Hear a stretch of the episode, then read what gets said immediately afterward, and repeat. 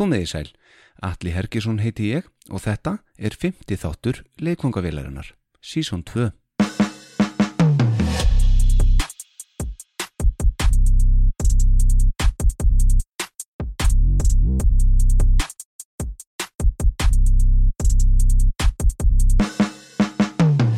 Gestur minn í þessum þætti hefur ekki alltaf synd með strömmnum alla sína efi, svo mikið er víst. Það er Estrei Adam Léttul sem býður þér upp á leikongavillina. Gestur minn í dag er fyrirlesari sem fyllir risastóra sali svo sem Eldborgarsal Hörpu og sjálfa lögardarshöllina þegar hún heldur erindi sitt. Hún hefur þó ekki alltaf verið óumdeild og fekk yfir sig mikla gaggrinni hér fyrir nokkrum missurum síðan. En eitt er víst að hún er full sjálfströst og hjólar í gegnum skablana með kassan fram. Hún er fyrir um knaspirnu kona sem þurfti að leggja skóna á hillunafrægum sökum meðsla. Okkar kona í dag er fætt árið 1993. Hún heitir Alda Karen Hjaltalín. Þrátt fyrir ungan aldur hefur Alda starfað sem markastjóri hjá nokkrum fyrirtækjum á milli þess sem hún rennir sér á snjóbretti og staði fyrir fyrirlestrum undir yfirskriftinni Live Masterclass. Einhverjir fræðingar og í framaldi stór hluti netteima hér á landi reyndu sitt besta við að taka öldu af lífi í kjölfar setningarinnar Þú ert nóg, en án árangus. En hver er Aldakarinn? Hvaðan kemur hún? Hvert er hún að fara? Kynnumst öldu hér eftir örskama. Vertu velkomin í leikfangavélina Alda Karin Hjaltalín. Ólafstóttir Já, takk fyrir það. líka. Já, Þú Óla stóttir hjáltalinn. Ólafstóttir Hjaltalín. Já. Þú notar það ekki mikið. Nei, ég nota það, ég nota Óla stóttir ekki neitt. Um, eða því að ég fekk er ekki að eiga allt. Það er, nafnum mitt er í alvörinni Óla stíð punktur hjáltalinn. Já. Ég fæ ekki svona eiga þú veist dóttir sem er svona, hvað veist, sem er mest gúl. Það er inn í dag sko. Já, það er mjög inn í dag. Hashtag dóttir. Já, ég Þú ert ekki með það. nei. Hashtag lín. Já, hashtag lín. Vá, því ég er svo, væri geggja til í það allstað nefn á Íslandi. Já. En ég get þá að byrja að rukka fólk bara svona randomly. Lín. Já. Herðu, hérna, þegar maður fær þig í þáttinn, Já, þá er bara ein spurning sem að brennur á manni. nú, Það er, ert þú nóg? já, akkurat núna, nú. Ertu ekki alltaf? Nei, nei, alls ekki, guðmungur, ég fer fram og tilbaka. Nei. Ég er bara á mín góð moment og mín slæmi moment. Já. Og ég er svona típan, þú veist, ég á stundum, ég, það fer svona, mútið mitt fer svona fram og tilbaka mjög hratt. Þannig stundum má ég geða eitthvað klukktíma þar sem ég er bara, þú veist, ég er nóg, mér er allavega færir geðveikt. Svo bara 60 minnur senna bara, oh, nei, ég get ekki. Hvað er það sem að breytir þessu? Ég maður breytir þessu, ég Já, veist hvað- að, hvað ég vissi það, þá væri ég nú búin að haka þetta alveg baka fyrir. Það er svo margt, það er svo margt sem, þú veist, er í manni, skilur, og ég tek alltaf sögunum, þú veist, þegar ég ákvaða, þegar ég ákvaða að lega eldborg fyrir skipti, að þá var ég mitt bara átt, var búin að vera á gett góðu stríki bara í, þú veist, mánuð, bara, bara ná einhvern veginn öllu markmiðunum mínum, allt var að, þú veist, ganga ótrúlega vel. Og ég ringi mömmu og ég er eitthvað, mamma, mér er okkur að lega eldborg. Og hún er eitthvað, já, ok, og ég eitthvað, já, þú veist, ef enginn mætir, en eru þá að cover mig fyrir láni? Þú veist, það kostar einhverja 1,5 með eitthvað, þú veist, getur þau bara uh, sérst, farið með mér bara á skrifum til lán og hún eitthvað svona, kemur þögn í síman og svo eitthvað já, jú, jú hann kynnti frendin, getur örgulega fengið í fiskin hérna uh, og skjara fyrir því og, og við getum örgulega alveg að retta þessu sko, ef þetta fer allt fjandans. Og ég eitthvað, ok, snilt, ég fer í fiskin í tvö ár og, og vinnit upp, hún eitthvað, já, flott. Og svo bara leggja á, hringi hörpu leið Eldborg og svo svona þrejum tíum setna því ég er búin að staðfesta þetta allt og bara allt er að fara í gang að þá er ég fórstöðstefningur upp í rúmi bara hvað er ég búin að gera Já, þá varst ekki nóg. nei þá fór ég bara, ó nei nei nei nei, nei bara alveg, þú veist, tilbaka sko og En- maður fór svona fram og tilbaka en svo ef þú ert 60% af 100 að þú ert nærða sannfæra og sért nóg og þá nær maður svolítið að drífa hlutin af sko Já. En virkar þetta með Eldborg til dæmis? Já. Virkar þetta þannig að þú þurft að leia allan salin strax? Þú mátt ekki sem sagt, nota innkomuna sem kemur til þess að borga þetta upp, eða hvernig er það? Jú, þú sko, þú leira strax, þú borgar svona, sérst, eitthvað staðfestningagjald, ég man ekki alveg hvað er mikið, það var enda held ég held ég bara einhver 100 áskall eða eitthvað, 150 skall Já. en já, svo fer miðasalan upp í Eldborg og uppihald og yfirsettu og tækni og, og þú veist, og tendin einhverju konfetti Mhm. og hérna, og svo, svo færðu restin ef, það- ef það er eitthvað eftir Ertu, ég, nú hef ég aldrei mætt því miður, eins og vorum að tala um á hérna, fyrir að byrjum að taka upp. já, ég, Er konfetti? Það var í Eldborg, já. Er það? það var hann smá fleip bara, Þetta ég er bara vildi- stemming. já, alltaf stemming hjá mér sko, það er nummer 1, 2 og 3 það er alveg þannig. Herðu, þú ert hérna á Íslandi núna. Já, og hérna takk fyrir að gefa þér tíma til að koma til mín. Já, sjálfsög í, í þéttri dagskrá vænti ég. Já, ég, hérna, það er alltaf mikið að gera á mér þegar ég kem hinga heim. En það er ég rosa sjaldan hérna. Ég kem alltaf einu svona ári. Já, sem er En núna er sunnudagur. Já, og á föstudaginn síðasta varstu með uh, masterclass, hvað, þrjú? já ég, var með fjóra fyrirlesturinn en, en þriði live masterclass. Í hörpu. Í hörpu, og hvernig var það? það var geðvikt það var bara klikkað. Já. það var reynda sko veist, það var, það var aðeins öðris heldur en í löðarsöll í fyrra voru í löðarsöll og hérna, og það var aðeins meira svona, þú veist það var aðeins meira andlega hliðin skilur þá var, vorum við svona upplifun í samkend þar sem fólk kom, þú veist, nýri á golf og, og ég las upp staðhæfingar og svo ætti fólk að stíga fram með svo staðhæfing átt við þig. En það var svona, það var mjög djúft veist, þetta fór alveg úr sko, drekkur kaffi ferð á skíði yfir í, þú veist um, ég hef verið þunglundur eða ég hef upplifað andlegarleika yfir að, þú veist, ég hef hort á einhvern upplifað andlegarleika og svo framvegis. Þannig að í ár ákveði hafa þetta meira svona uh, starfsferillin og svona koma þér á framfæri og, og svona aðeins uh, fókusa meira á uh, sérst professional hliðina Já. þú veist, ég tók svona svolítið personal í fyrra þannig núna ákveði taka svona meira professional Já, þú varst ekki einn. Nei, við vorum fimm Já. Hvaða konur eru þetta sem voru með þér? Herru, ég var með hérna Emily Nesevitz sem er uh, artist repertór hjá Atlantic Records hún sér um að svona skáta nýtt talent og, og sænaði hjá Atlantic og- Nesovits. Nesevitz, já Bæri þetta svona fram. Hún hérna, hún kom með góða sög á Ed Sheeran og hvernig hann náði að vera sænar hjá Atlantic. Og það var mjög gott svona lindamál sem hún gaf á, á fyrirlesturum sko, ég veit ekki alveg hvort átti að deila hér, jú, kannski. Já, það er spurning, þetta er ekki ásköldarstöð, sko. Nei, að, ég má það örgulega, ég ætla að gera það, bara fyrir þig. Já, já. hérna þá sagði hann sko hvernig hann var sænaður var að hann var svo ótrúlega humble og þakklátur að þegar hann kom að hitta alla þú veist í byggingunum og svona þegar var eitthvað að pælja að sæna hann að þá náði hann einhvern veginn að vinna alla yfir. Bara allir elskuð hann. Bara, frá bara þú veist fólkinu sem er að gera merchandising yfir í fólkinu sem er að uh, para þig við lög eða finna uh, sérst, skrifara fyrir þig yfir í fólki sem sér um markasetninguna hann einhvern veginn bara náði einhvern veginn öllum bara að vinna allir yfir og svo eftir að hann búin að hitta alla þá skrifa hann, hann skrifa hann þakkarbref til allra í Atlantic. Bara ótrúlega gaman að hitta þig bara takk fyrir að koma hjálpa mér að koma fyrir mér framfæri og svo framvegis og bara það er ennþá að tala um þetta í Atlantic Records hvernig hann bara svona, þú veist, ef hún er það bara að vinna einhvern veginn allir á þitt band þá mun engin hætta til að nær að gera þig bara heimsfrægan Akkurat, þú sagði reynd tján fjárfestu í tengslanetinu þínu. já, Þú gerir ekkert einn nei, eða einn. aldrei, ég hef aldrei gert neitt þetta er svolítið hluti af því. Já, hygglust. Við fórum með mér djúpt í það á leifmannstræks bara, ég hef aldrei gert neitt einn. Það er alltaf svona lámark tíu manns á bakum mig. Akkurat. Og svo varstu, varstu með fleiri.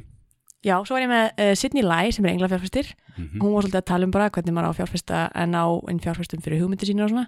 Hún kom með mjög flottar, uh, flottar áleggingar við vilt stopna flugfélag, hvað er ótt að leita af peningum. Já. Það er mitt alls konar og, hérna, og svo var ég með uh, Guada Stewart sem er grafiskur hönnur, svona leinitól fræða fólksins í New York og svo var Marissa Peer þerapisti með einmitt fyrirlesturinn þú ert nú. Og þessi Stuart, hún vantalega vinnur fyrir Kardashians, ekki satt? No comment. No comment. Þetta er svo háleinilegt maður. Þú ert að skrifa undir rosalega mikið að samningum fyrir hennar fyrirlestur. ég er bara, ég býð eftir að vera kærð, ég er bara að segja allt og mikið. Já, neða, ekki hér. Ekki Nei, ennþá, ekki ennþá, við erum rétt að byrja. Það er rétt. Já. En hérna, uh, ánum förum svona í þína rætur. Já. Þú býrð í New York, ekki satt? Jú. Hvar? Manhattan? Ég bjóð Manhattan í eitt, eitt og halvt ár en er núna nýflutt til uh, Brooklyn í Crown Heights. Já.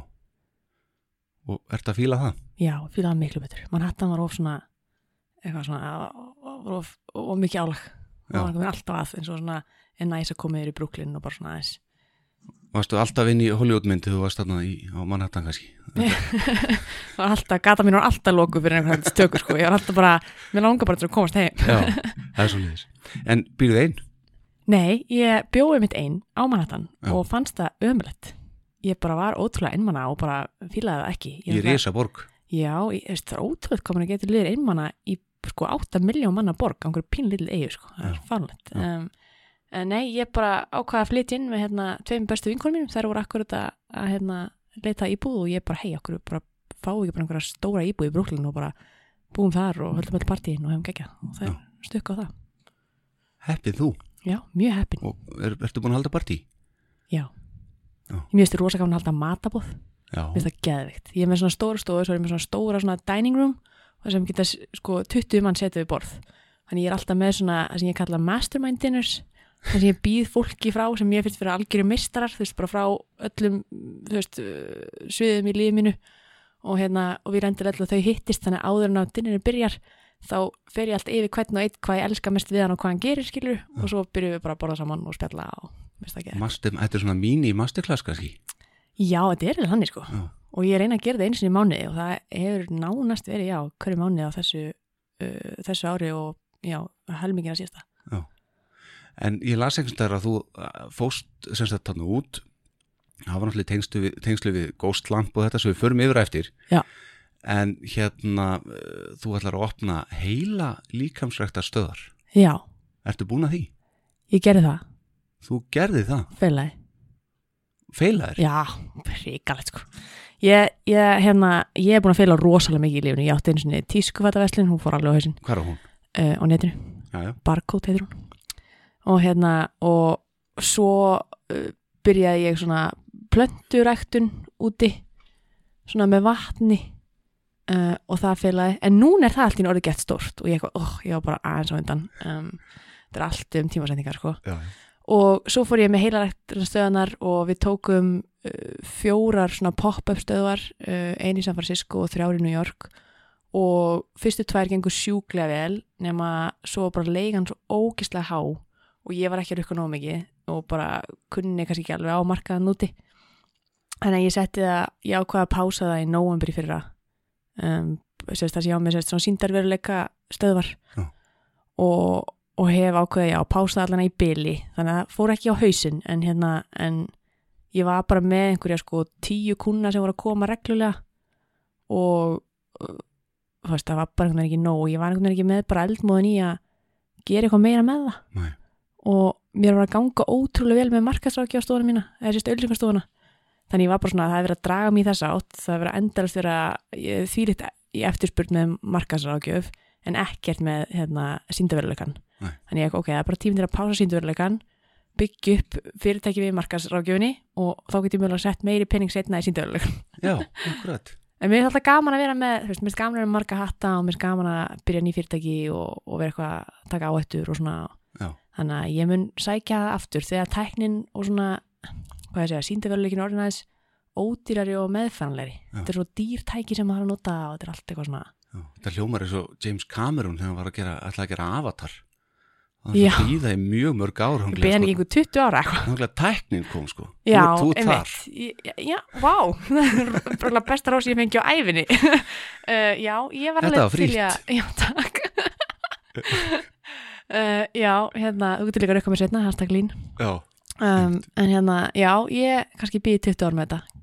Ég, ég trú alveg ég mun halda áfram með þetta þessar heila rektunarstöðar að þetta virkar sjúklega vel. Um leið á teknir hann aðeins meðfæranlega sko. þetta er á hold, þetta feilaði ekki, þetta er á hold. Já, þetta er á hold, ég er að hætta að segja þetta feilaði. Já, gerðu það, frá mig núna. Já, ég er nú.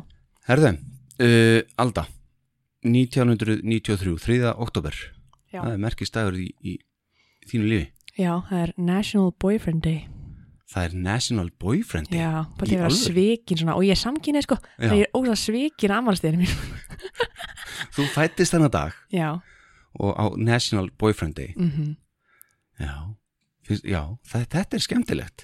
Já, finnst þið það. Já, mér finnst það. Svona getur lífið verið skemmtilegt maður. Já, finnst það frábært, mömmu finnst ekki leið að gera grína mér. Hún gerir sko mest grína mér. Og ríkald sko eftir skaupið oh, og svo, það var sko mjög skaupið var ekkert mál Nei. mamma eftir skaupið, það var mál Já, er það? Henni er bara, þú veist, hún gerir grína mér alltaf allan daginn Já. og það var alveg óþarfi skilur fyrir skaup eða eitthvað hjálp henni, þú veist, hún er alveg búin að drulli um allan dag skilur svo kom þetta skaup og það er endalaust það er bara, ef ég kem fram úr á mótnana og ég er eitthvað miklu og þá er hún bara eitthvað ah, getur bara sápun á gullum mitt alltaf eitthvað svona, ég bara, oh, Jesus En ekki hvað? Já, elskana Þú fættist á Akureyri Já. uh, Þennan dag Já. Þennan fræga dag. Og hérna Ég reyndar uh, kem frá Akureyri sjálfur. Já, og þekkiði nú ekki þaðan en það varst þú átt ára þegar ég flytt þaðan. Já, þannig að það veri nokkuð óæðilegt að ég myndi eitthvað muni eftir já, Já, en hérna ég man eftir mömmuðinni ég man eftir pappaðinum Já, ég man eftir stjúpaðinum já ég man eftir afaðinum ég man eftir móðubróðinum og frendaðinum Já, mikið af þessu fótbolta tengt, ekki allt þó.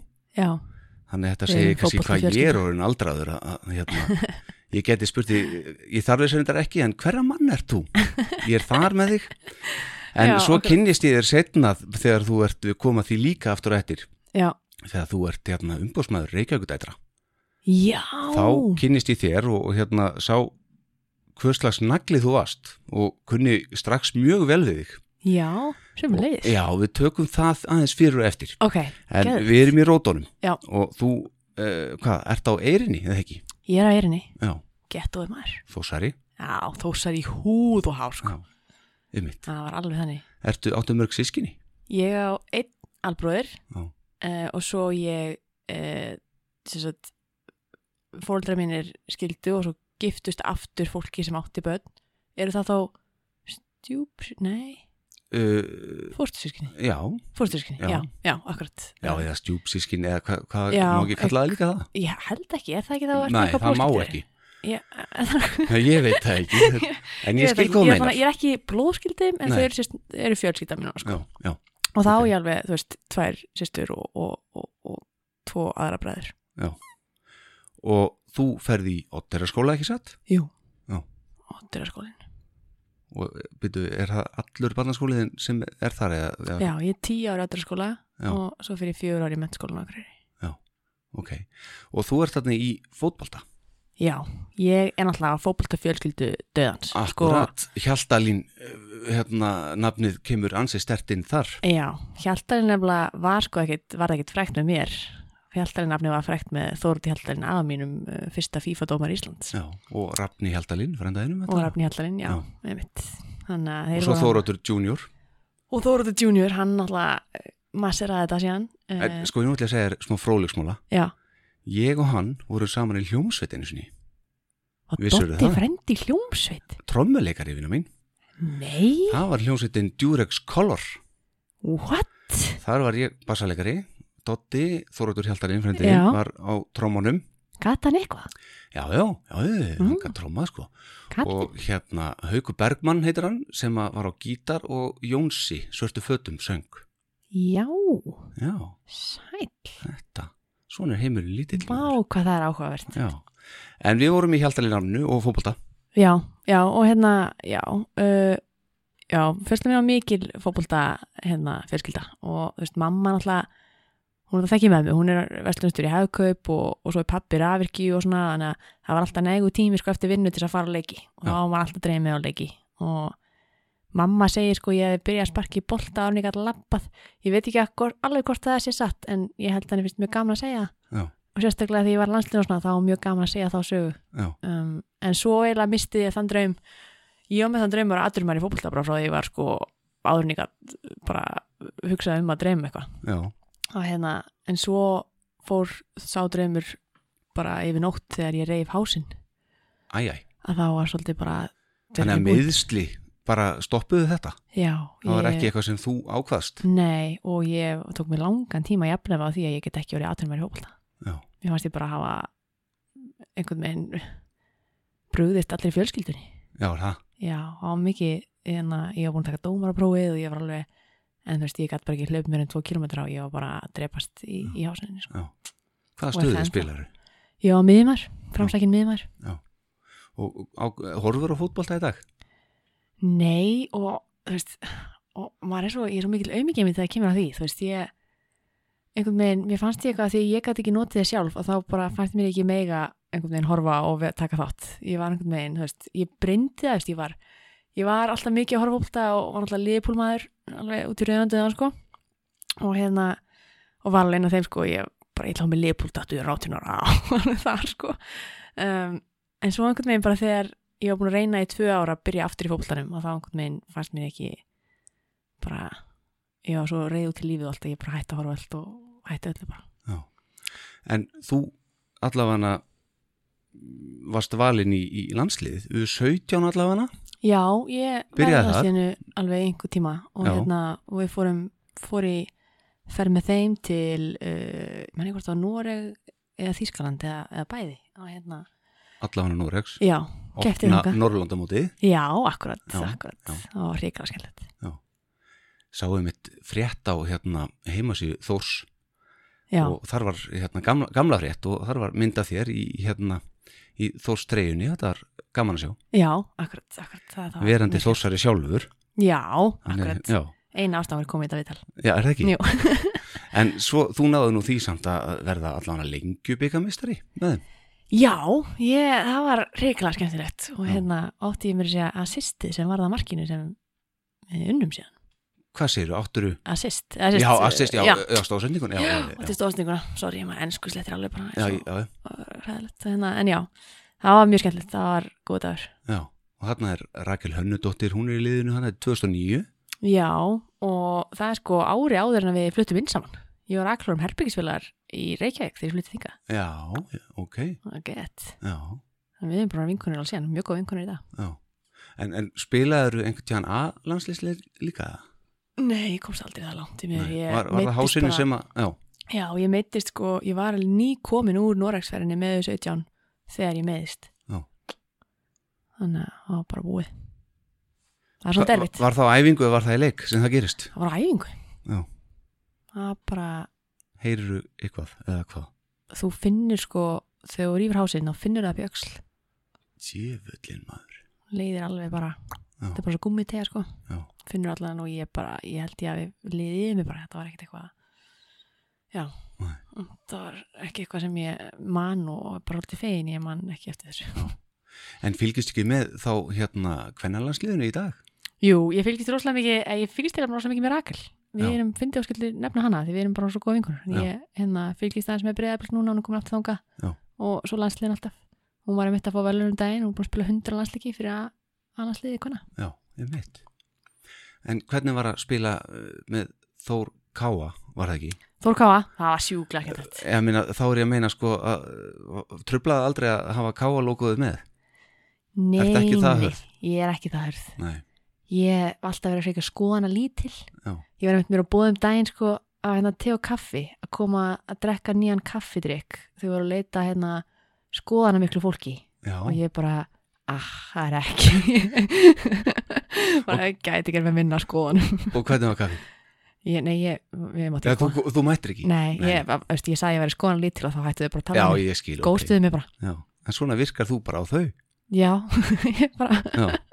ég var bara rosa hreinskilin og grannlega ekki það sem ég vildi heyra En ég svo myndaður á, á eh, internetinu með gítar í hönd, spilar á gítar. Já, ég verið að spila gítar og piano Já, Um, og lærður þau? ég fór í gítarskóla, já, Já. ég lærði gítar og söng því ég var úlingur Hver og kenndi þér? ó, býttu nú við, hver á með gítarskólan akkur er að Í tónlistskólanum eða hvað? Nei, það var bara hérna Oh my god, hvað heitir hérna oh, byggingin í göngugutinni sem var heilsugæslan er í Já, Amró húsið. Amarhúsið, já. já, Amarhúsið var með sér satt uh, í samstarfi Rosenberg og voru að bjóða upp á svona hérna gítarskóla á námskeið og svona meis Já. og, og ég bara stökk á það þegar ég var lengur og, og ef ég mitt, já, átt kassa gítara og ramaskítara og fekk, ég fær mjög að gefa mitt fyrsta ramaskítara minn já, og bara best af lífsmín sko já. Þannig að og svo hef ég byrjað að læra píano, ég er með píano heima að mér út í New York og hef búin að vera að spila það svolítið mikið. já. Ég hef alltaf verið Ertu, er, mjög þetta? tónlist. Ertu góð?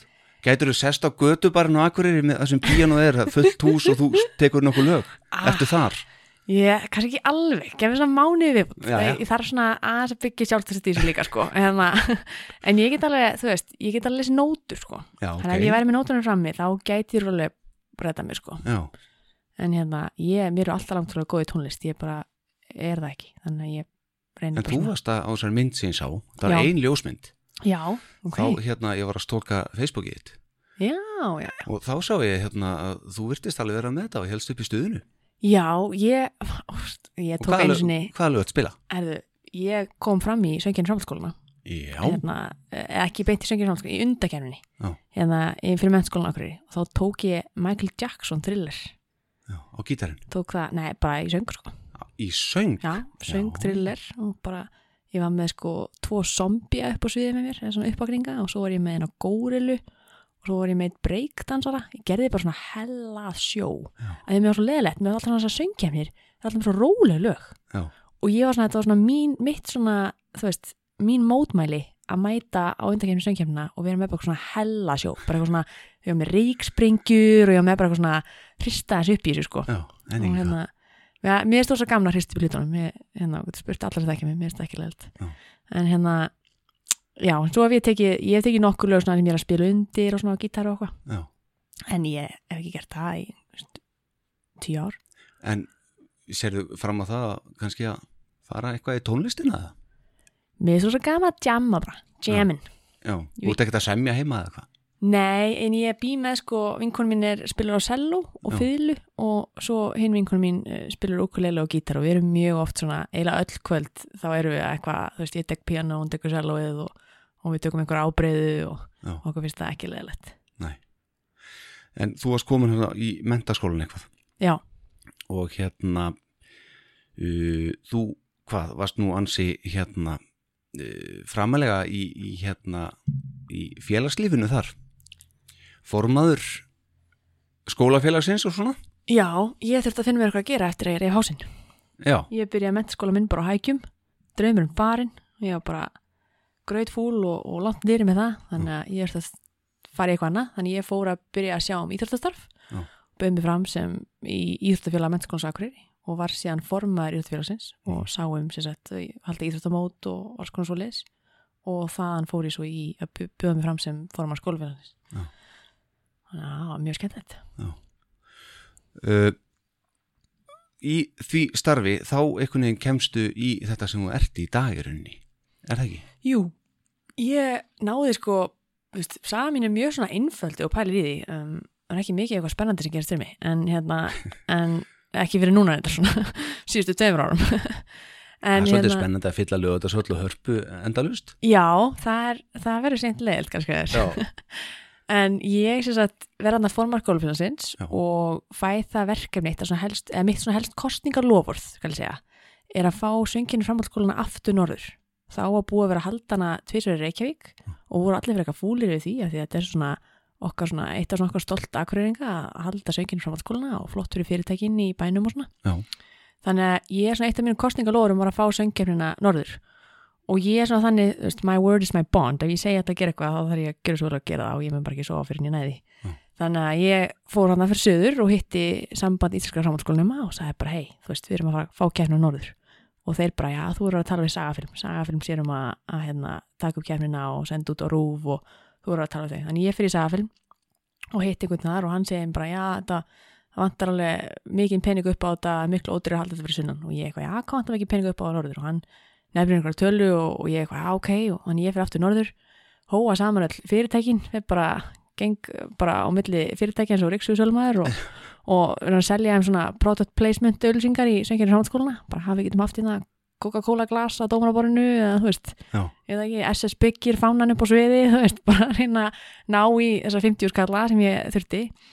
Og ég var búin að fá ansimörg nei þegar ég fekk nokkur já og var það, náði ég svo loksins að fá það mörg já að það var nægur peningur til þess að fá keppnina norður og ég fyrir aftur söður og fyrir inn í sagafilm og set samningan á borðið, bara "Æ, hérna, peningur er komin hvernig er að fara? Og það var bara, fyrir ekki, hvað heiti þú hérna? Engin, bara allir búin að glemma hver ég var sko. Já. og hérna, svo sáu þau bara ég var ekkert að djóka, ég var búin að ná þessum peningum sem þurfti og, og við varum að fara norður. Og ég kláraði það verkefni mjög vel með sagafilm og, og vann hún hérna hún Glói sem er núna bara komin eitthvað til London að spila og Já, er já. bara þýlitt að negla lífi sko. einmitt, mjög, mjög, flott plattform fyrir hana og hérna og þá bauði sagafilm mér sérst að koma inn sem sölunem í markasteldina þeirra. Og ég stökk á það og svo bara og það er strax, bara þú klárar Emma þá ferðu beint í það eitthvað? Já, ég litilí útskrifast og daginn eftir er að gera söður sko. Og, og útskrif, klárum aðeins Emma? Já. útskrifast úr, hverju? Uh, félagsfræði? Já, já, félagsvísindi félagsfræði ok mjög skellt. Ég er svona, já, ég var aldrei eitthvað, ég var svona ágetun ásmaður. Já. Ég þurfti ekki að hafa mikið fyrir því að læra. Nei. Sem var mjög næs að þá geti ég verið á fulli félagslífinu. Já. Um, en ég var ekkert með það að hafa enganir heldur. en, svo, en þú náður, Já, náði.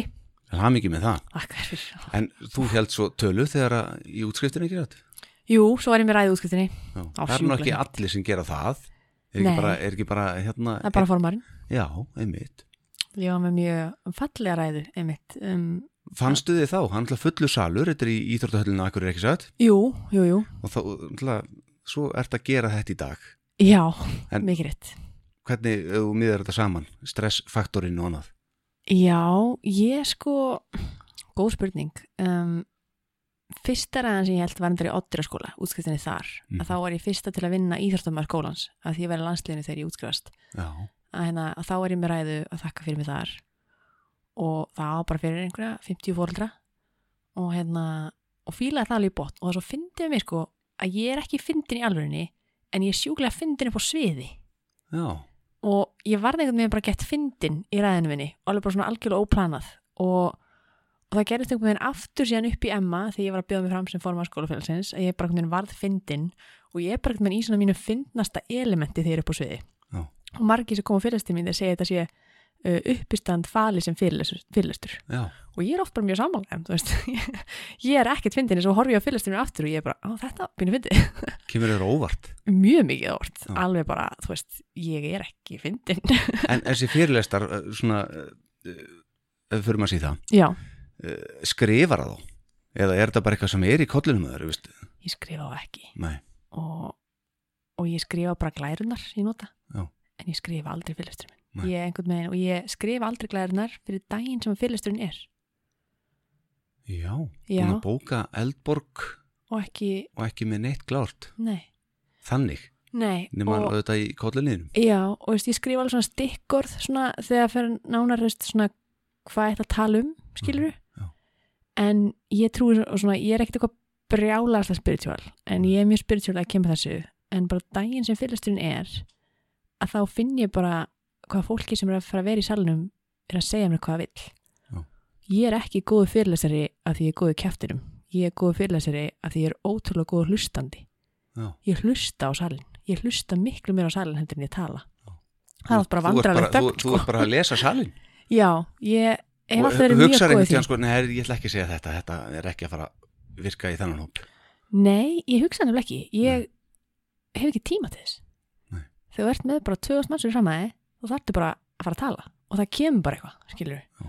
og það kemur bara nákvæmlega sem átt að koma og það sem fólki vildi heyra af því að ég er búin að vera svo duglega að hlusta.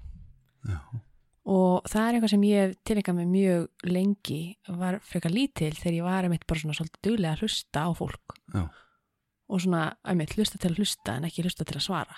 Og, og það hefur hjálpað mig mikið núna að einmitt að vera góði að lesa fólk og hlusta á það. Og að ég get ekki bara gert það bara við einamannski heldur við einmitt þúsundur í einu. Já. Magnað.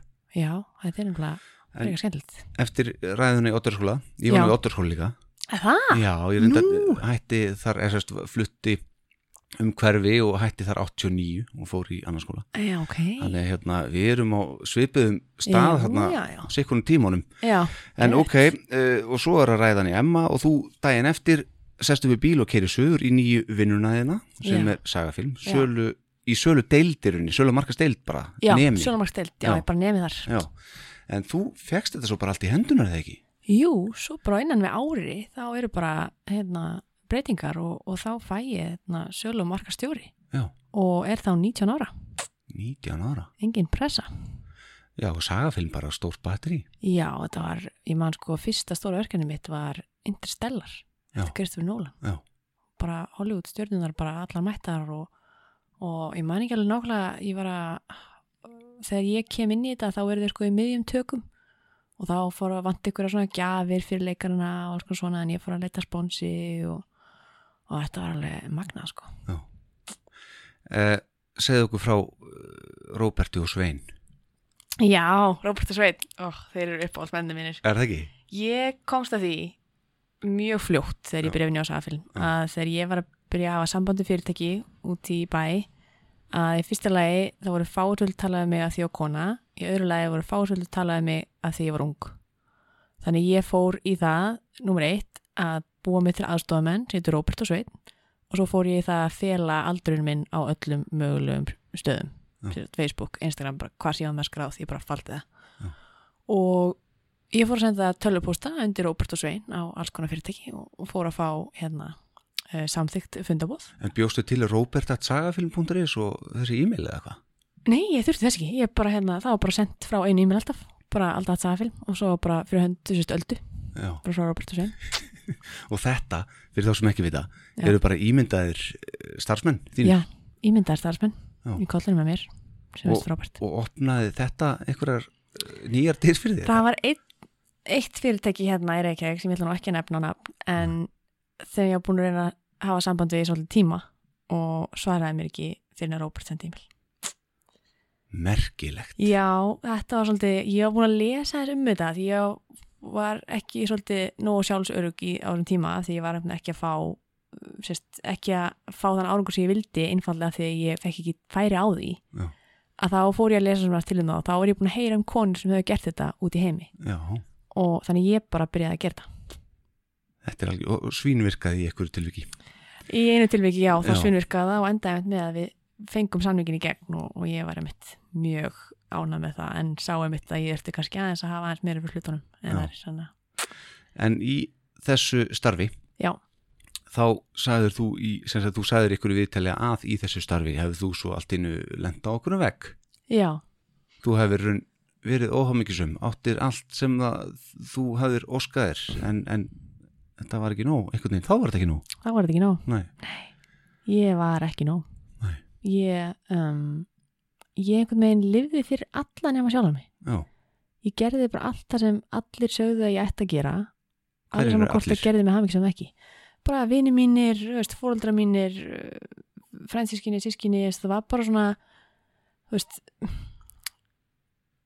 við leiði bara svo samfélag alltaf að segja við mig bara þú átt að þér góða vinnu þú átt að kaupa þér íbúð þú átt að vera með góða fjölskyldu um, svo átt að fara að menta þig og ekkert af þessu gerði með hamingi sama uh, en ég samt gerði þetta, skilur að því maður bara svona vill tjekki ákveðin bóks á samfélaginu. Bara já, ok, ég er komið með góða vinnu mína ég komið með góða íbúð, veist, ég komið með góða bíl einhvern veginn.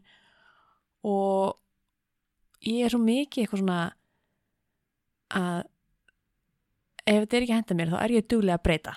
Veist, ég, er, ég er óhrætt við að bara herðu, nei, nú bara hættu við. Nema það tók mig einhvern ekstra langan tíma þarna og það var ekki fyrir en að ég sko bara var að byrja að fá svona grátköst að þá bara einhvern veginn var ég að leiðin á fundið eitthvað og þá var bara kynnin mín er blöyt, þá var ég bara að byrja að gráta.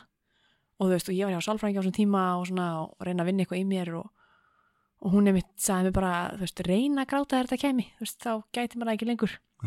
Og það virkaði einhvern smá tíma en svo hætti það að virka og, og ég fann bara heyrðu, þú veist, allt sem ég er búin að vinna að síðustu einhver fimm ár þegar ég byrjaði þú veist, að síst, hætti, hætti með hann draumar að aðturum maður í fótbolta og fór bara að vinna í, í öðru félagslífinu og svona markasending og svona var bara ekki að gera mig hafmyggsama og ég hætti öllu, fór úr íbúinu sem ég var í hætti vinni, bara ég hætti öllu Já. og ég gerði bara ekkert í heilt ár ég var búin að eiga hana góðan peninga til sagafilm var búin að sapna, ætlaði um það var að sapna mig fyrir íbúð, kaupa mér fyrstu íbúð. Já, já, og ákvæmst svo bara að kaupa ekki mér fyrstu íbúð og gera ekkert í heilt ár.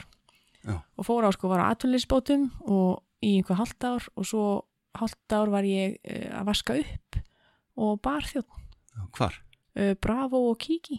Já, þannig að, þú veist, og mér varst það geggja sko og ég var alveg til ég að fara aftur að vera barþjótt mér varst það mjög skemmtilegt þarf ertu góður barþjótt? já, ég er leina á mér í barþjótt sko og ég er eitthvað mjög góð upp á skinu Já, mér fannst það alltaf mjög svona meditating að vaska upp.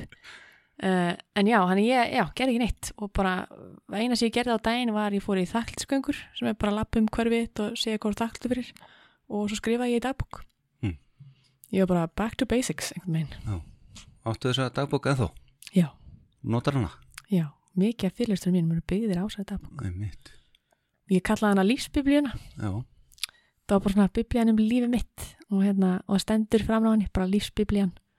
Og er með mitt bara þessu heila ári þar sem ég var bara og þetta er ekkert eitthvað, ég var ekkert að skrifa bara marga klukkutíma á dag, þú veist, nei, nei, ég var bara að binge á Netflix, skilur, í átta tíma, þú veist, ég Já. er búin að horfa á hálft Netflix í alvegni, ég, það er ekki til íslendingur sem er búin að horfa meira á Netflix en þú ég, ert með stærra Netflix en við líka já, núna úti, Já, ég ég veit það, ég er með svona app núna, það, það læsist klána átta á kvöldin, Já, er það. já, ég þarf að hlusta þess að minga þetta sko, Það er að hlusta podcast í í staðinn. já, ég þarf að fara að gera það meira, Til dæmis mig, þú getur tjekkað á því. Byrjað því. Já, Þú getur byrjað þessum þetta já, og unnið áfram. unnið mig áfram, Já. ég til þetta, En veitu, þú skráður þig svo eitthvað í e, lögfræðið, ekki?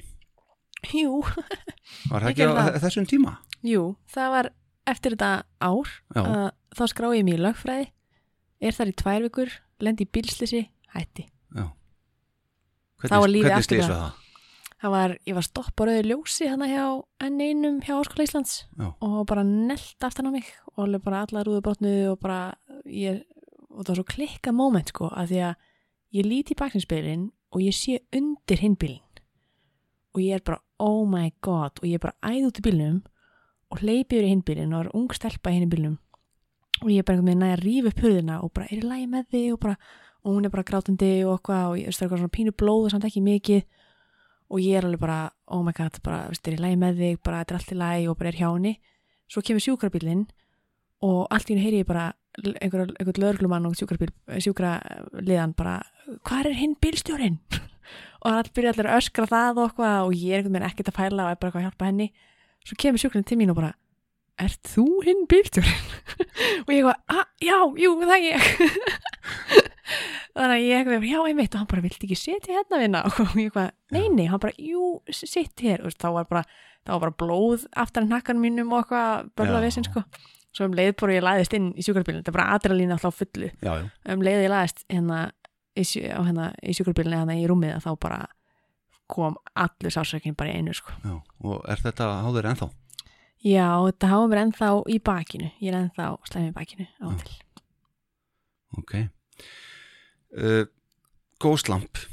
Já, Uh, það hérna á milli kemur nú örgulega reykjavíkudætur eða ekki? jú, Já. ég var með reykjavík eftir þetta ár sem ég var í sjálfsögninni sko. Já, einmitt. þá datt ég inn í dæðnar Já. Það, það, sem, uh, við komum inn á áðan. Já, Þegar já. ég kynnist þér fyrst. Já. Þá hérna, uh, hvernig kom það til að þú varst umbósmaður þeirra? ég uh, konan mín á þeim tíma var búin að alast svolítið upp með hann voru alast upp í mennskólum í Hamrallíð Já. og hún var búin að vera make-up artist þeirra og ljósmyndar í alveg einhvern tíma og hún ræði minn sem framlegandi á tónlistavídjónu Hæpið Já. þannig ég framleiði það og, hérna, og næja að klára verkinu alveg frekar vel og tek svo svolítið svona stöðuna á þeim sem bandi og með einhvern svona fund fyrir þeirra sem ég bara fer yfir svona þeirra yfirlit og hvert að stefna og hvað eru búin að gera og svona. Og það er enda á bara að ráða mig sem umbúrsmann Og vinnur þið alltaf upp alls þar? Já, þetta er rosa skrítið.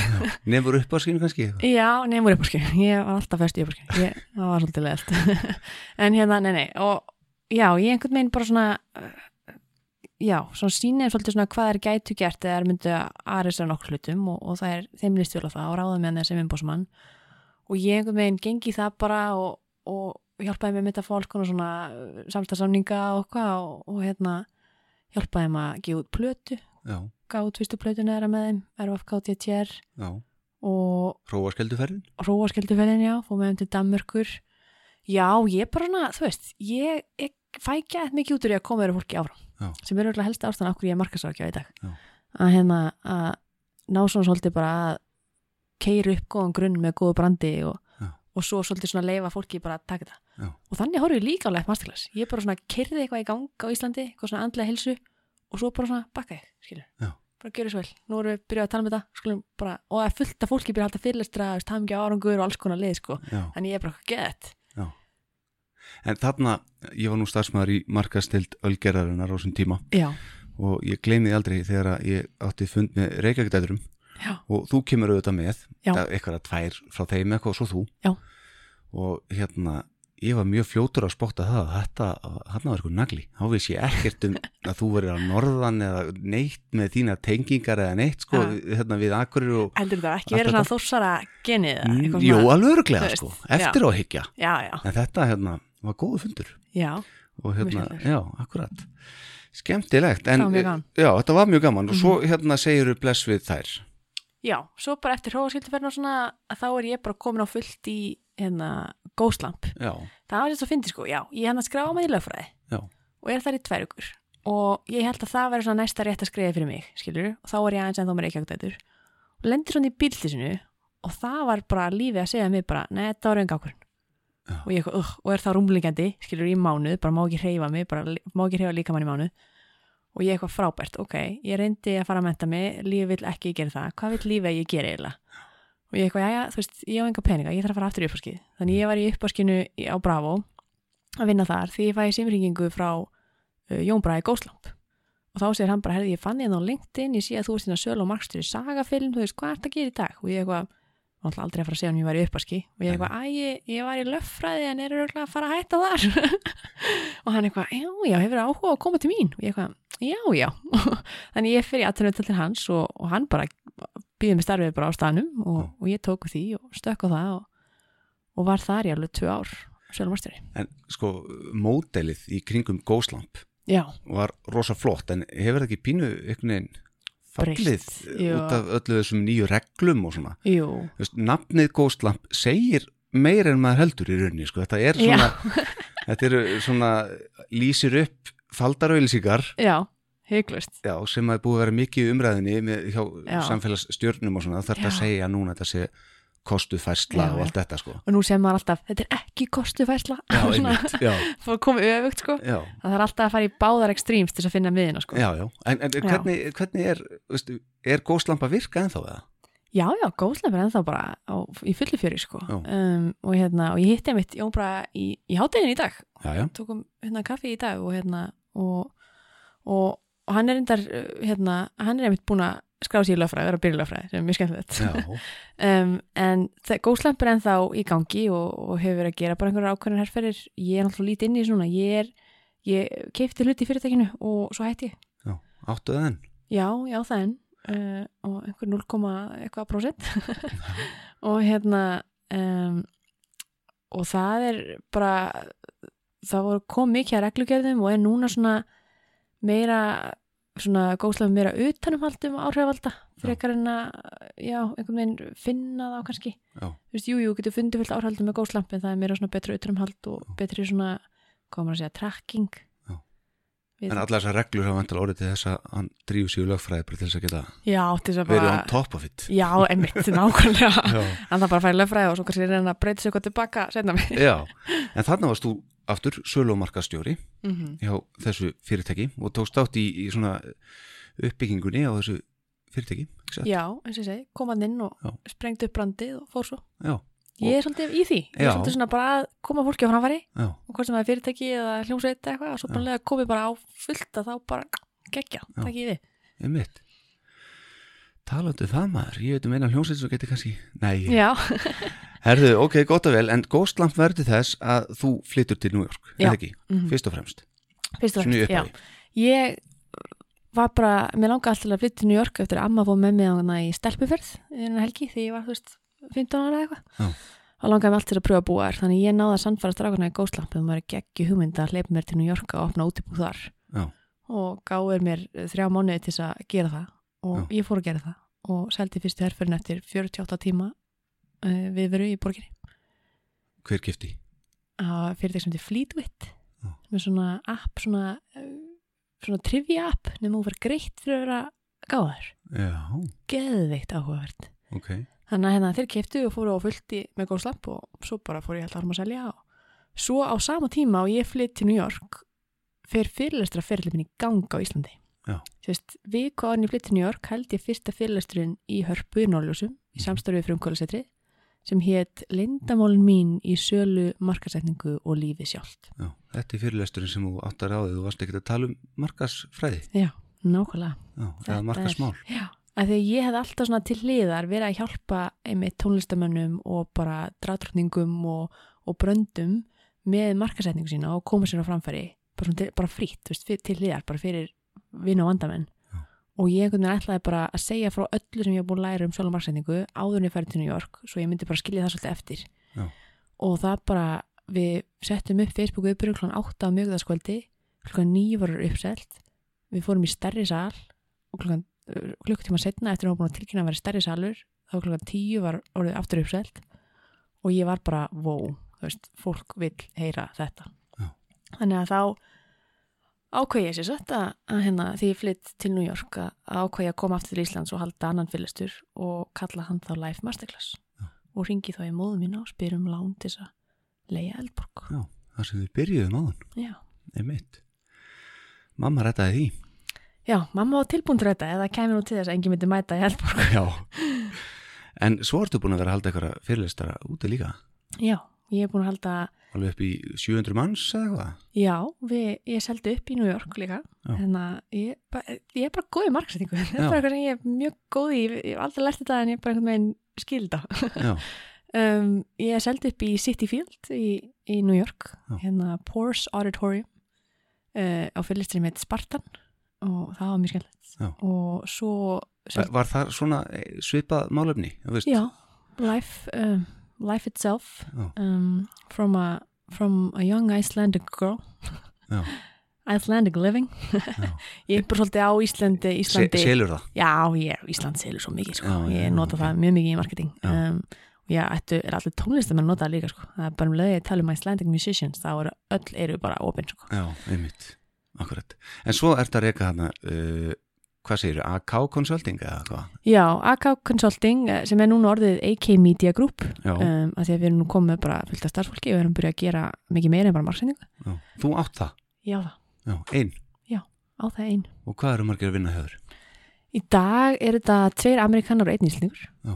uh, og er sem sagt bara, já, fullir full-time employees en, en sem sagt ég er með fjóra svona fasta kuna og svo er ég með sagt, sex aðra sem er svona on and off Ok, byggt á bara svona einmitt, fyrir jólinn þá koma allir inn Já. og svo komuð aftur kannski rétt fyrir sumarinn þegar ég er fröluna í sumari en svo aftur í jólinn. og hverir eru þínir kunnar? Uh, stærsti kunni minn er fyrirtækjum því Sofrep Mm. sem er uh, mjög flott svona uh, hvað maður segja, er bæði fjölmiðl og svona e-commerce fyrirtæki þeir eru sérst með þetta var sérst fyrsti fjölmiðlin sem var algjörlega sérst í eigu og kerður af hérna uh, veterans, eða fólki sem var í hernum. Gæjar sem hérna og þeir sprungu svolítið í 2016 þegar Trump var hvað sem fórsetið, þá sprungu þeir svolítið af því þeir voru svolítið svona að að, sem sagt, segja, ef Trump tweetaði eitthvað um herinn að þá voru þeir fyrst til að svona að nei, þetta er ekki rétt, veist, við erum allir hernum og veist, við erum hérna með frétt sem er, veist, svona, að það var mjög stórt og, og eru með í dagalegu 2 miljónum mann sem fara á síðuna þeirra á mánuði. já. Þannig að ég tók við öllum þeirra markasmálum uh, í fyrra og hérna og séum þau bara og, og það er svolítið um það núna í New York að fyrirtæki eru að ráða inn sko markasrákjafa, marketing consulting uh, teimi í staðin fyrir að ráða einn markastjóra Já. og ég var svolítið heppin að byrja markasrákjastunum mína á þeim tíma sem svona medium fyrirtæki voru svolítið í þessu sko þau voru að ráða ekki bara mig heldur líka veist, Google specialist og, og video creator og, og í dag sé ég rosa mikið það er bara og alveg sem hvort þú er sko tónlistamæður eða brand eða hvað er þú ert að gera að bara það er bara nú 1, 2 og 3 er að búa til efni. Já. og eins og Emily sagði á, á fyrirlisturinn hún bara það er 60.000 lög sem eru upplótu á Spotify á dag. Mm og bara hvernig á hún að geta hlusta í gegnum hávaðan skilur, þú þarft að gera eitthvað öðru þú þarft að gera eitthvað, þú veist þú þarft að vera með vókal sem er bara, sem þú getur þekkt í útvarpi bara á fyrstu tíu sekundum í læginu, skilur Já. og svona það er þannig sem hún leitar artistum og það er þannig sem ég reyna að búa til bröndin mín, að búa til efni sem er eitthvað sem getur orðið væral eða, þú veist fólk þekkir um leið, skilur eitthvað svo leiðis Já. þannig að hérna já, ég er búin að vera að byggja upp teimið til að gera það vel og gera það fyrir brönd og einmitt hjálpa bröndum svona að springa. Og, og um leið og þau eru svona komið þanga þá gef ég þeim ákveðin tól svona strategy og processa hvernig á að byggja upp markastild og, og söldild og svona Já. bara sem ég hef gert fyrir góðslamp og, og þá ef það hjálpar þá heldur þið áfram með það ef ekki þá finnaðu eitthvað aðra að processa en Já. en já, Þannig að þú ert alveg, tekur beinan þátt í öllu þessu starfi hjá AK Media Group. já, ég er þú, alveg þú bara ert ekki í hotskriðstofunni að, Nei. reka fyrirtækið Nei, ég er einmitt líka bara frekar lélega að reka fyrirtæki sko. Ég er Já. með rosa góðan bókara sem sér um svona 99% af því já, en hérna, en já, mist ég hef alltaf verið með hendunum mína skittuðar Já. að vinna alls konar skemmtilega verkefni sko. á gólfinu Ég er á gólfinu sko. akkurat, Ég er eins og hann, hvað heitir hann Elon Musk, hann sefur á Tesla framleistu gólfinu eða eitthvað, ég væri þannig sko. Já. ég myndi bara sofa á skrifstofunni eða væri eitthvað sem væri bara akút sko. Er, ykkur yfirbygging? Ertu með ykkur svona Já, ég er með skrifstofu á 26 Broadway í- inn á Manhattan Já. ég hérna, er á hérna Wall Street nautinu já, Ég sé það alltaf þegar ég lappa inn út skrifstofunum minni. Það er hérna mjög svona súrrealisk sín en þú veist svona, gefa manni samt svona ákveðin drifkraft sko. já, ég skal trúa því Þannig að hérna, já, ég er með bara í svona coworking space, Já. svona eins og Orange er hér. já, einmitt Mjög cool. svona mörg fyrirtæki saman í rauninni Já, þú ert bara með gúlegi bara svona sé skrifstofu, svo Já. deilur þú veist eldhúsi og klósettum með einu fyrirtækjan. já, en þá, En þá, já, Já. mikið rétt. ertu ekki að vaksa? Jú, ég er búin að vaksa um 2019 var í stærsta ár mitt í þessa bara frá því ég byrjaði Já. fyrirtæki mitt. Glæsilegt talandi um 2019 Já, uh, þú komst þá hingað til lands með Life Masterclass number 2 já, í löðsölni. já, gerðir allt brjálað. Mm Love it.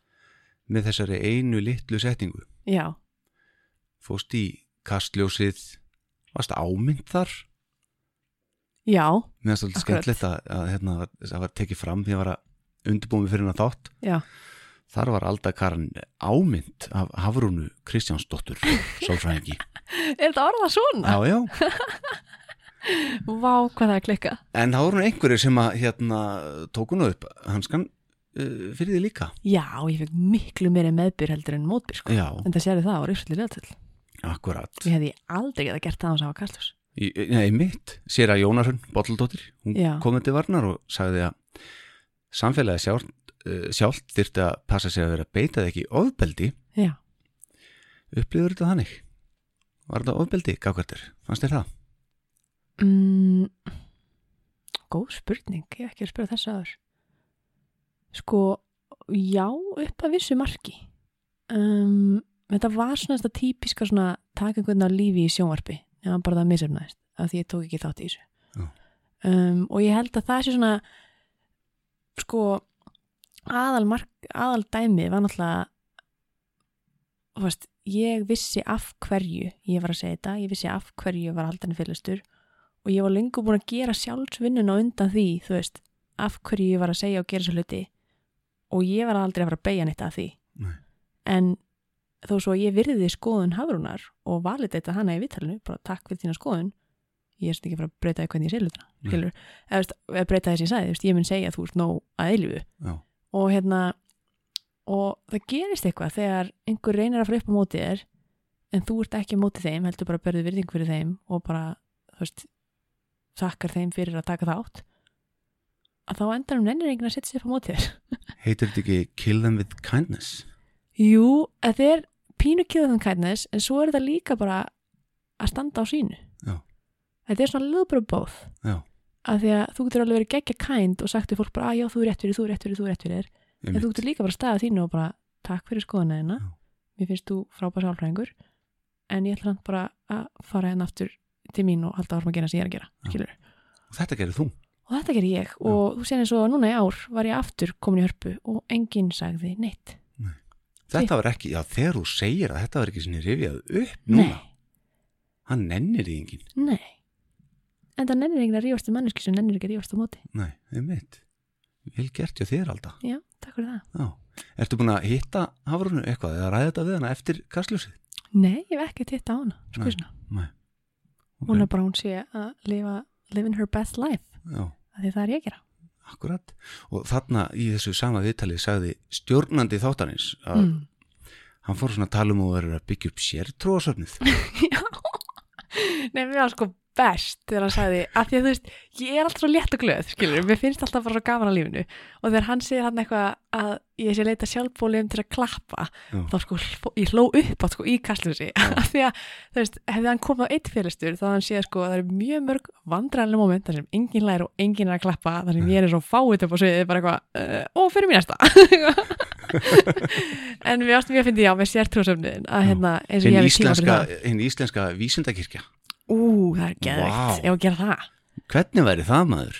Ég þú allavega ef einhver ætti að stýrinni á þetta. And now we're gonna drink the Kool-Aid. Nei, við skulum ekki gera það. Nei, það er en, en hérna, þú ert nú alls ekki að, þessu, að þessum fyrirlestum fyrir peningana. Þú til dæmis eftir þennan fyrirlestur þá, Já, sem vorum að tala um, þá færður pétarsamtökunum, einu og hálfa miljón já og þú veist, ég hef alltaf okkur um einasta fyrirlestri gefið til samtaka. Já. en það var í fyrsta skipti sem ég talaði ofinbært um það. Já. af því að var verið að reyna að taka mig niður fyrir eitthvað sem hérna, var ekki rétt. Mm og ég sagði það í þessu viðtali um, sem kom engum við skilur, af hverju ég var að gera þetta. Og, og ég hef ennþá ekki talað um af hverju ég er að segja að þú ert nóg og af hverju ég er að gefa þetta píeta og ég ætla ekkert að gera það bara fyrir en ég er tilbúin. Nei, en mér fannst mjög gaman að, að vera með svona sidekick skilur, að þú veist, ég er með 9-5 vinnu sem markasarkjafi og er að fá bara vel til því. Og þessi fyrirlestrar hafa aldrei neitt einhvern almennilega pening bara því miður. Þú veist, og, hérna, og það er líka bara því ég er að, að eigða því í uh, sjói sjálft sem er náttúrulega bara þú veist, mikið af starfsfólki sem kemur að eins og ég segi, það er alltaf lámark tíu manns á bakum mig sem ég er að greiða. Já, já, og þú veist og svo er ég að gefa þetta til margra eh, félagsamtaka og hérna og sem svona, mér þykir mjög væntum og, Mhm.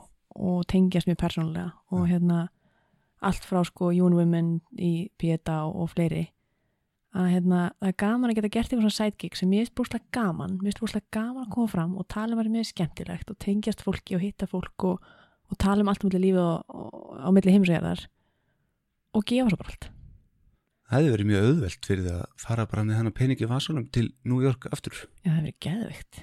Það ætti ég kannski, þú veist, aðeins meiri pening í dag og er búin að kaupa mér íbúr, er ekki dýrt að kaupa sér íbúða, það lítur að vera eða kannski er Jú. það ódýrar í Brooklyn heldur en Manhattan en Já, samt, neða, bara svipa á henni heima, sko. Já. Já, að þannig í Brooklyn, sko. Já. Og mér langar gett til að kaupa mér íbúr kannski á næsta ári. Ég er svona kannski, ég, ég, ég, þarf örugglega tvö ára að safna. En já, á svona næstu tveimur árum mun ég kaupa mér íbúr, fyrst íbúr. ok, gott plan. Já, Eh, þú voru bara búin eftir því að kissa peningana vel. Já, en það hérna þá erum við komin að uh, áramótskopinu Já, það var og geðt.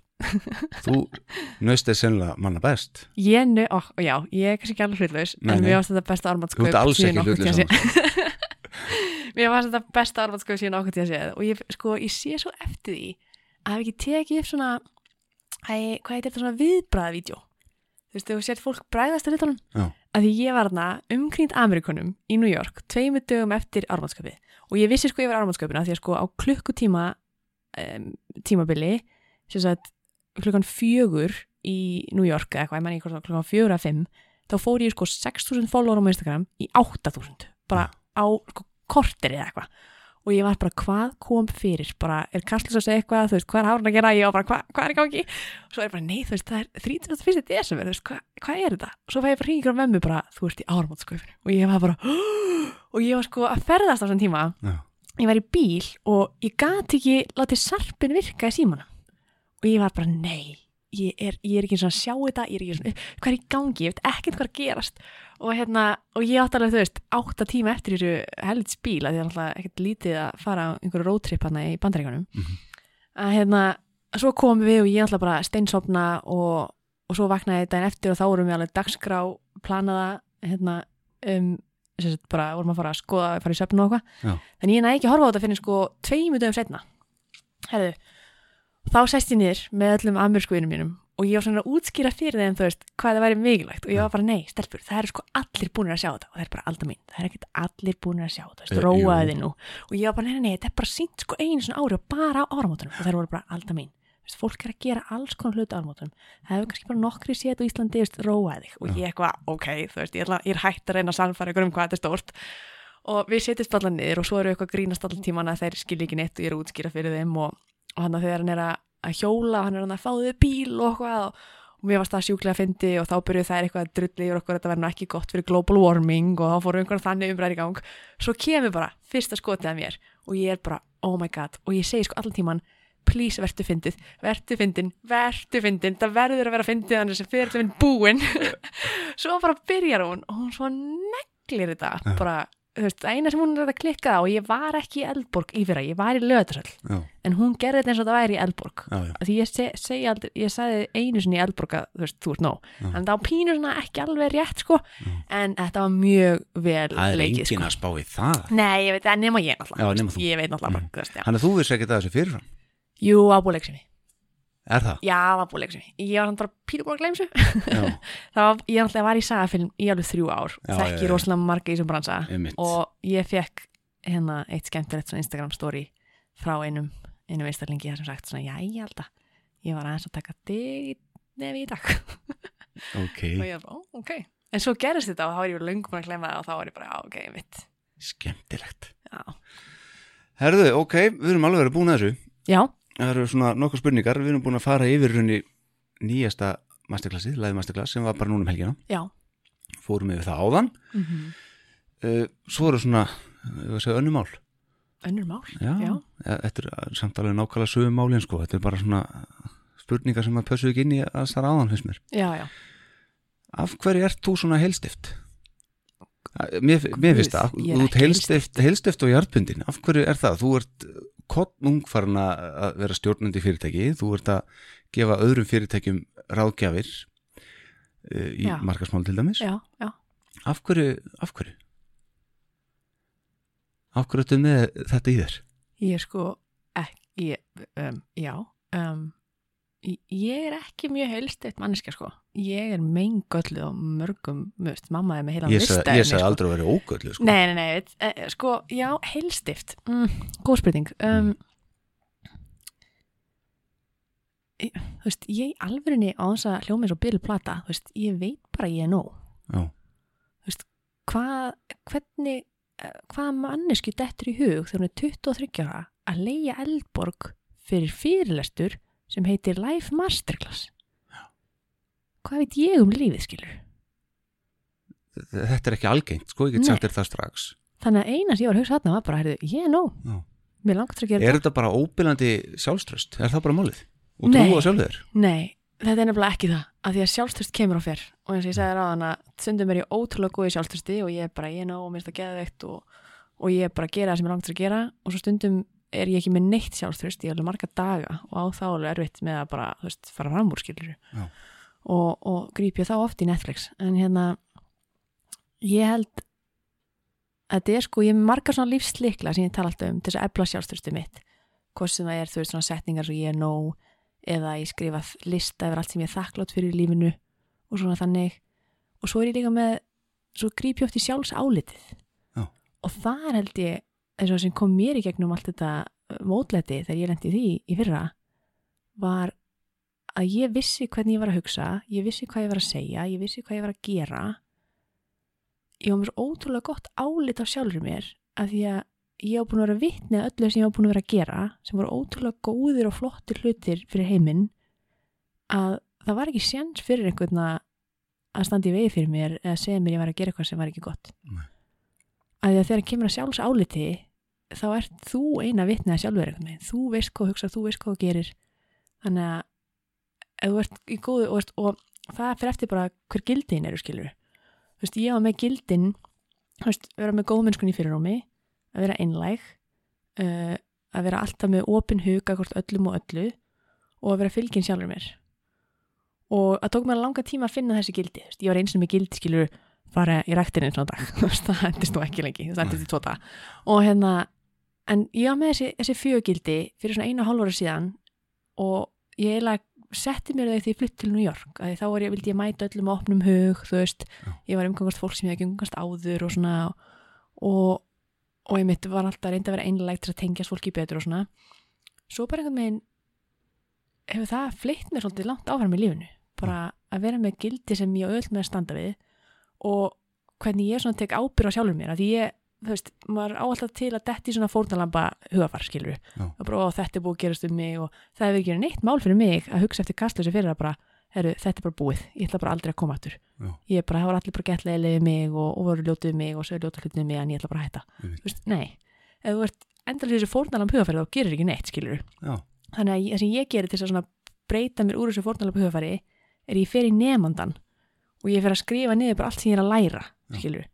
ég svona ég ég bara ég Já, þú veist, í dag í kastljósi lærði ég skilur að stara ekki á ljósina annar þátturinn byrjar að því að þá sér svarta punktar allan tíman, skilur, sem bæða vegi gerðist fyrir mig í kastljósi. Og það er moment í, í þættinu sem ég er svona að horfa eitthvað og þá er ég reyna að blikka og ég er að reyna skilur að slosna við svörtu punktan í eigun og það er sko ræðilegt og hérna, bæða vegi, aldrei verið í beinni útsendingu áður en það var alveg bara svona frábært fyrsta, fyrsta þannig ég sérst skrifa þessi gildi og fer eftir skildum og alltaf árin ég leggst á kottan, ég ger þetta í alveg alltaf. Þegar ég leggst á kottan eh, upp í rúmi hjá mér, mér finnst alltaf best að gera mestu sjálfsvinnu upp í rúmi sko, skrifa þetta bók og, og bara hugsa og svona, að þá spyr ég mig alltaf bara, ok, nýtti ég hvert einsta tækifæri sem ég gæti í dag til þess að vera góð? Bara svona, já, fer ég við daginn minn, bara já, ok, ég gerði það. Bara, já, nýtti ég hvert einsta tækifæri í dag til þess að vera einleg bara já, ok, ég gerði það. Bara, já, nýtti ég hvert einsta eh, tækifæri í dag til að vera mæta öllum með opnum hug, bara já og svo fjóruða bara nýtti ykkur einsta tækifæri í dag til þess að vera fylgin sjálfum mér Mm. og ef svarur þessu spurningum er yfirleitt bara alltaf já, veist, ef það er nei þá fyrir ég aftur í að, ok, nú ætlum ég að reyna að gera betra morgun, ég læra þessu, skilur Já. að þegar það er ofta já og varst svona að fylgin gilduninum þá er sjálfs álitið svo stert að það hefur ekki þess að þörf að vera einhvern veginn að segja þína hliða sögunni eða berjast fyrir einhverju einhvern veginn svona, eða sko ekki, eða veist, rífast eitthvað svona. Mhm. eins og margir spurði mig fyrir að bara af hverju sagði bara ekki þína hliða sögunni? Af hverju varst ekki bara, þú veist, berjast á móti og eitthvað? Og því ég bara hafði ekki þörf fyrir það. Að því að þú ert nú. Já, ég bara var með sjálfsaldum í því lægi, ég fór eftir gildunum mínum. Og þú veist, einu sem mannski skiptir máli fyrir mér er ég, þannig að Veist, þá nenni maður ekki einu. Það er pínur svona þessi öll hugsun sem þú varst að setja í orð núna sem ég er að spyrja út í af hverju ertu svona heilstift. Það er ekkert allir sem hugsa þetta svona sko en, en gott að heyra Nei, já, þetta er svona, þetta er í alvörinni hvernig ég þetta uh, hugsa um hugafæri mitt og hefur hjálpað mér rosa mikið og Mhm. einmitt bara þetta að ég er nóg, þú veist, ég má sækja mér að vinna því ég er nóg, ég má fara inn á skóla því ég er nóg, ég má leiða eldborga því ég er nóg. ánum við hættum Mm. Þú eh, komst inn á sjálfa að, að þú ert samkynnið Flaming gay people. Flaming gay Hvenar út úr skápnum? Uh, 20, 21? Nei, ég var 20. Ég var ekki orðin 21. Var það erfitt fyrir tvítu að stelpa á Akureyri? Já, það var rosalega erfitt. Eða varstu ég, komin suður? ég var komin söður. Þú varst komin suður? En, en það var mjög erfitt samt af því að sko ég vissi þetta alveg frá því ég var 15 ára. Ég vissi bara ekki hvernig átti að koma því í orð. En mammaðin vissi hún þetta þá líka? Nei, nefnilega ekki. Og, og ég og mamma átti nú alltaf erfitt fyrst þegar ég kem út sko af því að þetta kom með mér svo svakalega óvart. Já, ok. og það svo erfitt fyrir fóreldra þegar þeim líður eins og þekki ekki bönnin sín það var rosalega erfitt, við áttum alveg svona moment saman sem við áttum alveg erfitt uh, með ekkur arða sem var mjög erfitt að því við vorum alltaf góð vinkunur sko Já. og hérna, en náðum sem betur að komast alveg vel í það og, og hérna og hún uh, og er þetta ekkit henni til fyrst þær í dag sko. En ég var mjög lengi að þess að því ég var með mjög svona, þetta er svona internalized homofóbía þú veist, mér fannst allt samkynnt fólk vera bara að letast eftir aðtekli og bara, þú veist, vera algjör, ég, ég var neina, ég var að gamla skólanum, skilur, ég með ást að bara ekki, ekki mjög smekklegt og hérna, þannig það var erfitt, fyrir, það var erfiðast að koma út fyrir sjálfa mig, einhvern veginn. Það var mjög svona, svona erfið lífsreynsla, svona tala við sjálfa sig, ég tala rosa mikið við sjálfa mig, já, mest í bílnum, þegar ég keiri, þá er ég endalast að spyrja mig spurninga um lífið mitt, ég er eins og ég sé í viðtal við sjálfa mig. Manns eitthvað bara, spurning- hafðu headset þannig að fólk sjáu eins og setja síma það er oft sem fólk starra á mig og ég bara, hvernig finnst, er ég alveg en hafði svo núna? Einhvern veginn. Og hérna, það er ótrúlega fyndi og reyndi að spyrja mig um daginn, akkur ég er svona góð í viðtölum? Og ég bara, að því ég er búin að taka viðtölum sjálf mig síðan ég var þú veist nýjára Já,